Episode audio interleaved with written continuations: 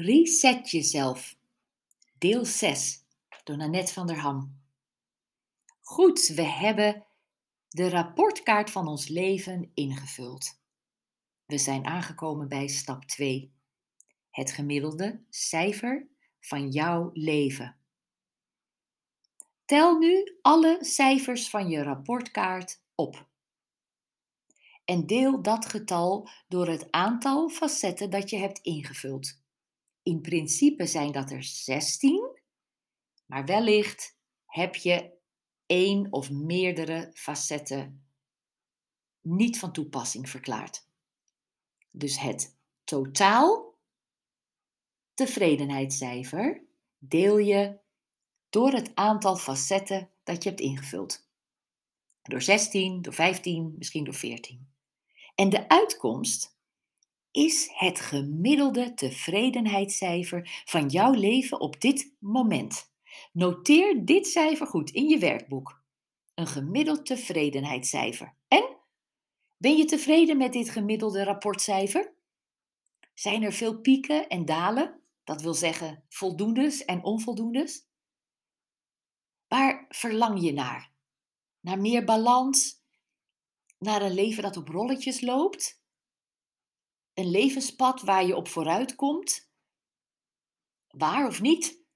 Cruise control aan, handjes losjes aan het stuur, de wind door je haren, genieten van alles om je heen en alleen maar opletten dat je de juiste koers blijft houden. Een leven dus dat lekker loopt, waarbij je alles hebt wat je nodig hebt en waarbij je bij tijds bijstuurt als je van je padje afdreigt te gaan. En dat is dan ook de essentie van de reset. Jij bestuurt je eigen leven. En op je levensweg zul je altijd hobbels tegenkomen. De vraag is: wat doe je ermee? Ga je met volle kracht over die hobbels heen en kom je er gehavend, maar wel snel uit? Ga je er behoedzaam omheen en duurt het daarom wat langer eer je eruit bent? Heb jij je route uitgestippeld, een backup plan gemaakt en stap je goed voorbereid en nieuwsgierig in je auto op weg? Of ben je iemand die totaal lost is en als je navigatiesysteem in je auto het plotseling niet meer doet, ben je volledig de weg kwijt? Nou, ik ken een vrouw die dat laatst overkwam en ze had geen idee waar ze was. Ze had zich 100% laten leiden door een stem die haar van de ene op de andere minuut in de kou liet staan. Geen backup plan in de vorm van een landkaart en haar telefoon had geen bereik. Iets buiten mezelf, in dit geval de technologie, had de leiding over mij genomen, zei ze, in plaats van dat ik de leiding over de technologie had. Dat was een heel vervelend gevoel. Leid je eigen leven. Een navigatiesysteem is leuk en maakt je leven soms makkelijker, maar houd in de gaten dat jij de richting blijft bepalen. Of dat je op zijn minst dik tevreden bent met de richting die jouw navigatiesysteem bepaalt. Dit is een metafoor voor dit belangrijke motto. Leid je eigen leven voordat iemand anders de leiding van je leven overneemt. En let op, want hier zijn wij vrouwen erg goed in, maar ook erg fout. Wees andersom, zelf niet, ongevraagd, het navigatiesysteem van een ander. Je kunt niet voor een ander bepalen welke richting, welk tempo, welke afslagen die ander neemt. Laat dit je nieuwe lijfspreuk worden. Ik ben meester over mijn eigen leven en een gast in dat van een ander. Dit bespaart je veel tijd en energie die je heerlijk aan je eigen meesterschap kunt besteden. Toen ik ergens in mijn leven van de ene op de andere dag alleen kwam te staan, oké, mijn tweede man vertrok van de ene op de andere dag uit mijn leven, vroeg ik aan een kennis die jurist is hulp. Na het aanhoren van mijn verhaal zei hij: Eén, Nanetje, aanvaard dat jij zelf voor minstens 50% veroorzaker bent van de ontstane situatie.